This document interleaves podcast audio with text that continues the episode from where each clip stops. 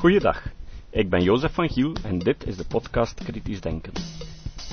Het is vandaag 26 april 2009 en dit is de tiende aflevering van deze podcast. Deze aflevering is ook het laatste deel van een reeks die gaat over logische misvattingen. De tekst van deze reeks is gebaseerd op een vertaling van een tekst van Steven Novella van The Skeptic's Guide to the Universe. De originele tekst heet Logical Fallacies en je kan het vinden op hun website. Vanaf mijn website kan je een link vinden naar dat document. In de vorige aflevering hadden we het over een aantal misvattingen die gaan over vereenvoudigingen. De laatste misvattingen die we deze week behandelen worden dikwijls gebruikt als de andere niet meer werken. Schuivende doelstelling. Een methode van ontkenning waarbij de criteria voor het bewijs of de aanvaarding willekeurig verschoven worden buiten het bereik van de bestaande bewijzen. Creationisten zijn het bekendst voor deze misvatting. In Darwins tijd argumenteerden ze dat, opdat evolutie waar zou zijn, er een overervingsmechanisme zou moeten bestaan dat nieuwe variaties in staat stelt om doorgegeven te worden zonder dat ze opnieuw verdwijnen in de rest van de populatie. Mendels ontdekking van genen was het mechanisme dat verwacht werd. Toen argumenteerden de creationisten dat als evolutie waar zou zijn, er veel overgangsfossielen zouden moeten zijn. Maar geen enkele hoeveelheid aan ontdekkingen van overgangsfossielen lijkt genoeg te zijn om hen te overtuigen. Intelligent designers betogen nu dat evolutie het bestaan van bepaalde biologische paden sommige microscopische structuren niet kan bewijzen. Maar steeds opnieuw vinden wetenschappers verklaringen voor evolutionaire paden. Dus zoeken de creationisten gewoon naar nieuwe bevindingen die nog niet verklaard zijn, en gaan zo gewoon verder met het verschuiven van de doelstelling. Reductio ad absurdum. In formele logica is de reductio ad absurdum een verantwoord argument. Het volgt de vorm dat, als alle premissen als waar aangenomen worden, het noodzakelijkerwijze leidt tot een absurde of onware conclusie, zodat automatisch minstens één van de premissen vals moet zijn. Deze techniek wordt regelmatig in de wiskunde toegepast, vooral om te bewijzen dat iets onmogelijk kan bestaan. Deze term wordt hier eerder gebruikt om te wijzen op het misbruik van deze wijze van argumenteren, door de logica uit te breiden om een absurd besluit te forceren. Bijvoorbeeld, een UFO-enthousiasteling betoogde ooit dat als je sceptisch was over het bestaan van buitenaardse bezoekers, je ook sceptisch moet zijn over het bestaan van de grote Chinese muur, aangezien je deze ook nog nooit persoonlijk gezien hebt. Dit is een foutieve reductio ad absurdum, omdat hij andere bewijzen dan persoonlijke ooggetuigenissen en logische gevolgtrekkingen verwaarloost. Concreet, Sceptisch zijn over UFO's vereist niet dat men sceptisch is over het bestaan van de grote Chinese muur. Inconsistentie. Bepaalde criteria of regels toepassen op één geloof, bewering, argumentatie of standpunt, maar niet op andere. Bijvoorbeeld, sommige consumentenverenigingen argumenteren dat we strenge regelgeving nodig hebben voor het voorschrijven van geneesmiddelen om hun veiligheid en werking te verzekeren, maar argumenteren tegelijkertijd dat medische kruiden, eigenlijk zijn kruiden ook medicamenten, verkocht zouden moeten worden zonder enige reglementering voor hun veiligheid en werking. Inconsistentie is soms heel moeilijk terug te vinden.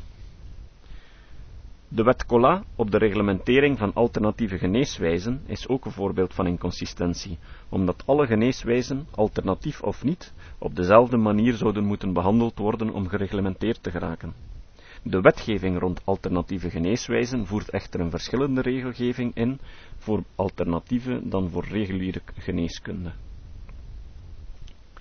Valse analogie. Dit is elk argument dat gebaseerd is op een analogie die niet opgaat omwille van belangrijke verschillen tussen de situaties die vergeleken worden.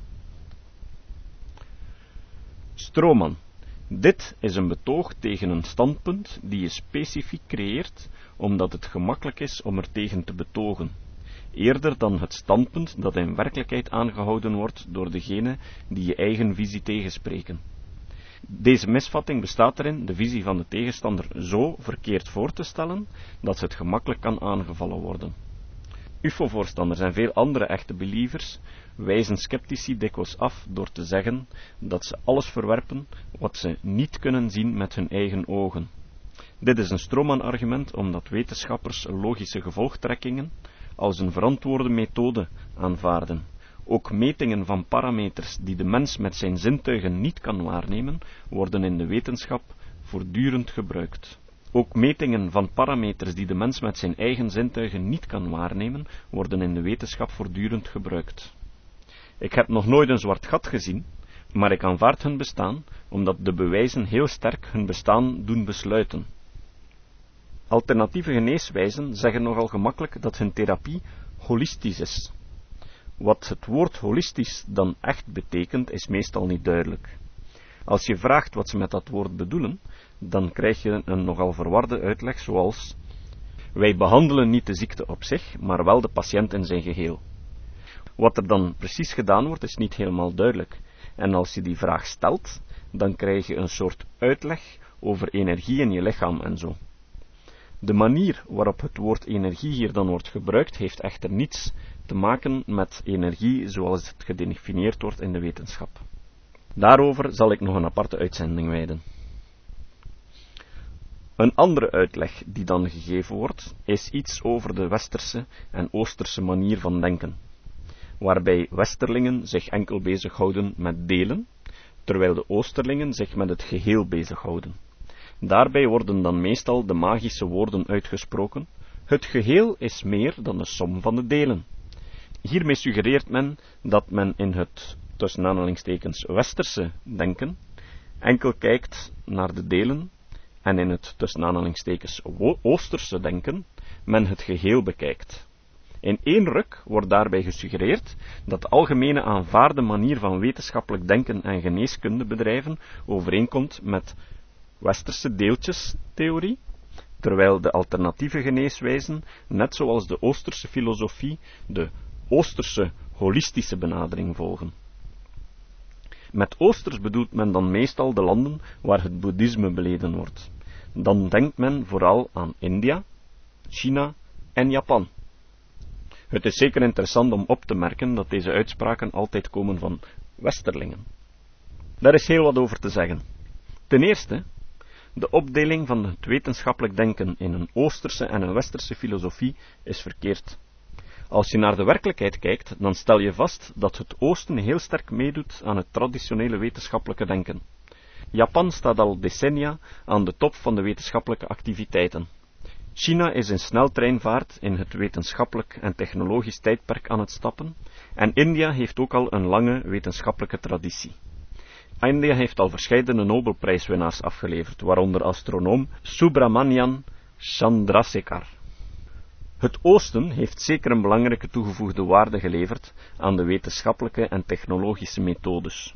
Door een verschil in cultuur met het Westen zullen ze zaken dikwijls vanuit een andere invalshoek benaderen. Een voorbeeld daarvan zijn alle technieken rond integrale kwaliteitszorg in de industrie die uit Japan komen. Zulke verbeteringen worden heel snel in de wetenschappelijke methodes opgenomen. Het mooie aan de wetenschappelijke methodes is dat het geen statische verzameling is van principes en methodes, maar voortdurend evolueert en verbeterd wordt. De wetenschappelijke methodologie is universeel en cultuuronafhankelijk. Het staat open voor elke vorm van verbetering, onafhankelijk van uit welke hoek de verbeteringen komen.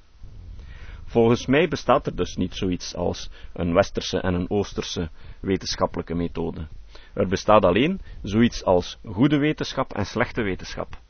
Beide worden overal ter wereld beoefend, door zowel westerlingen als oosterlingen. In mijn tweede bedenking over holistisch wil ik aangeven dat dit een stroman-argument is. Met de fameuze uitspraak: het geheel is meer dan de som van de delen, beweert men dat men in het Westen, of meer algemeen in de traditionele wetenschap of geneeskunde, zich enkel bezighoudt met de delen en niet met het geheel. Laten we even kijken naar de feiten. Een mooi voorbeeld van de wetenschappelijke vooruitgang, dat waarschijnlijk bij veel mensen tot de verbeelding zal spreken, is de uitvinding van het vliegtuig. Is het niet fantastisch dat de mens in staat is om een toestel van meer dan 400 ton te bouwen dat kan vliegen, en dan nog aan een snelheid van 900 km per uur? Dat is allemaal mogelijk dankzij de wetenschap. Wel, ik wil nu de eerste vliegtuigingenieur tegenkomen die zich enkel bezighoudt met de onderdelen van het vliegtuig. Al die onderdelen samen in een hangaar legt en dan wacht tot het geheel de lucht ingaat. De werkelijkheid is natuurlijk dat je, om een vliegtuig te kunnen bouwen, je je zowel met het geheel als met de delen moet bezighouden. Het succes van het ingenieursvak bevindt zich juist in de kunst om een groot probleem van boven naar onder, dus zoals men zegt top-down, te analyseren en dan van onder naar boven of bottom-up opnieuw te synthetiseren. Maar beiden zijn belangrijk.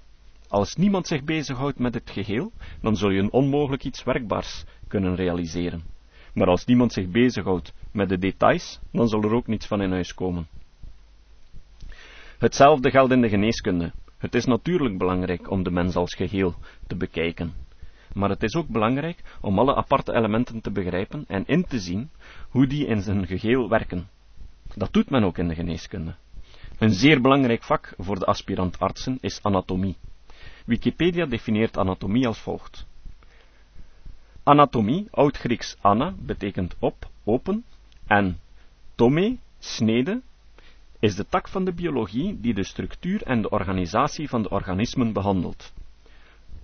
Het behandelt dus de studie van elk onderdeel van het lichaam en de samenhang van deze delen in het volledige lichaam. Het is een zeer zwaar vak en heel veel studenten geneeskunde falen precies op dit punt. Alternatieve genezers echter trekken dikwijls hun neus op voor dit vak, met argumentatie, wij denken holistisch. Ik denk echter dat ik met het voorbeeld van het vliegtuig aangetoond heb dat je zonder een goede kennis van de onderdelen onmogelijk tot een goed inzicht kan komen van het geheel. Als ik nu een klassieke uitspraak uit de geneeskunde neem, dan zegt die bijvoorbeeld: je moet meer bewegen. Er zijn heel veel redenen waarom deze raad gegeven wordt. Een ervan is dat als je weinig beweegt, er een kans bestaat dat er bloedklonters in de aders van je benen ontstaan, die dan naar je hersenen migreren waar ze een trombose kunnen veroorzaken. Is dit geen mooi voorbeeld van kijken naar het geheel?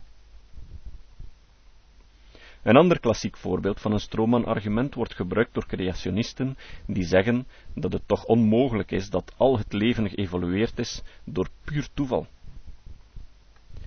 Er is nog nooit een evolutiebioloog geweest die dat beweerd heeft. Evolutie is geen toeval. Het belangrijkste mechanisme in de evolutie is natuurlijke selectie, en dat heeft helemaal niets met toeval te maken. Ik kom hier nog uitgebreid op terug in een latere aflevering waar ik het over de evolutietheorie zal hebben. Tautologie. Een tautologie is een argument die een cirkelredenering gebruikt, wat betekent dat het besluit ook de premisse is. De structuur van zo'n argument is A is B, bij gevolg is B gelijk aan A, alhoewel de premisse en het besluit op een verschillende manier kunnen geformuleerd worden, zodanig dat het niet duidelijk is dat beiden hetzelfde betekenen. Bijvoorbeeld zeggen dat therapeutic touch, dat is dus genezing door aanraking, werkt omdat het de levenskrachten manipuleert, is een tautologie. Omdat de definitie van therapeutic touch vermeende manipulatie zonder aanraking is van die levenskrachten. Een tautologie die ik van gelovigen gehoord heb, is dat de Bijbel het woord van God is, omdat het zo in de Bijbel geschreven staat. Besluit. Dat was de lijst van de logische misvattingen. Hoe meer je het onderzoeken van argumenten op hun premissen en logische misvattingen oefent, hoe beter je erin wordt. Ik denk dat je zal vaststellen dat het de beste methode is om verschillen in feitelijke besluiten te vinden. Het helpt ook in die zin dat het de persoonlijke emotionele inhoud van een discussie wegneemt. Als men zich focuseert op de feiten en de logica, zal de discussie minder persoonlijk neigen te worden. Ten slotte zijn de belangrijkste argumenten die op deze manier onderzocht moeten worden, je eigen argumenten. In de volgende afleveringen zullen we verschillende zaken op hun wetenschappelijkheid onderzoeken en gebruik maken van deze lijst om de redeneerfouten te vinden. Het citaat van deze aflevering komt uit het boek over de oorsprong der soorten van Charles Darwin. Alhoewel dit boek 150 jaar geleden geschreven is, is het nog altijd verrassend actueel. En ondanks het feit dat dit een wetenschappelijk werk is, is het zeer leesbaar geschreven. Je hoeft geen wetenschappelijke opleiding te hebben om het te begrijpen. Alleen een open geest. Je zal versteld staan hoeveel tegenargumenten Darwin al geanticipeerd heeft. Je zal zien dat waarschijnlijk niemand die de evolutietheorie bekritiseert ooit het boek gelezen heeft. Op pagina 485 schrijft Darwin: Wanneer wij niet langer naar een organisch wezen kijken, zoals een wilde naar een schip kijkt, maar naar iets dat zijn begripsvermogen geheel te boven gaat, wanneer wij elk product van de natuur beschouwen als iets dat een geschiedenis achter zich heeft, wanneer wij iedere complexe structuur en elk instinct beschouwen als de optelsom van talrijke inrichtingen, alle nuttig voor de bezitter, bijna op dezelfde wijze als wanneer wij een grote uitvinding beschouwen als de optelsom van arbeid, de ervaring, het verstand en zelfs de blunders van talloze werklieden, wanneer wij elk organisch wezen al dus beschouwen, hoeveel interessanter, ik spreek uit ervaring, zal de studie van de natuurlijke historie dan niet worden. Tot de volgende keer.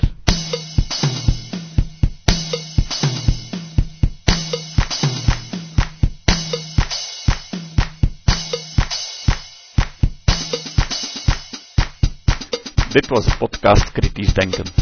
Voor meer informatie en voor de tekst van deze podcast kan je terecht op mijn website surf.to schuine streep kritisch denken.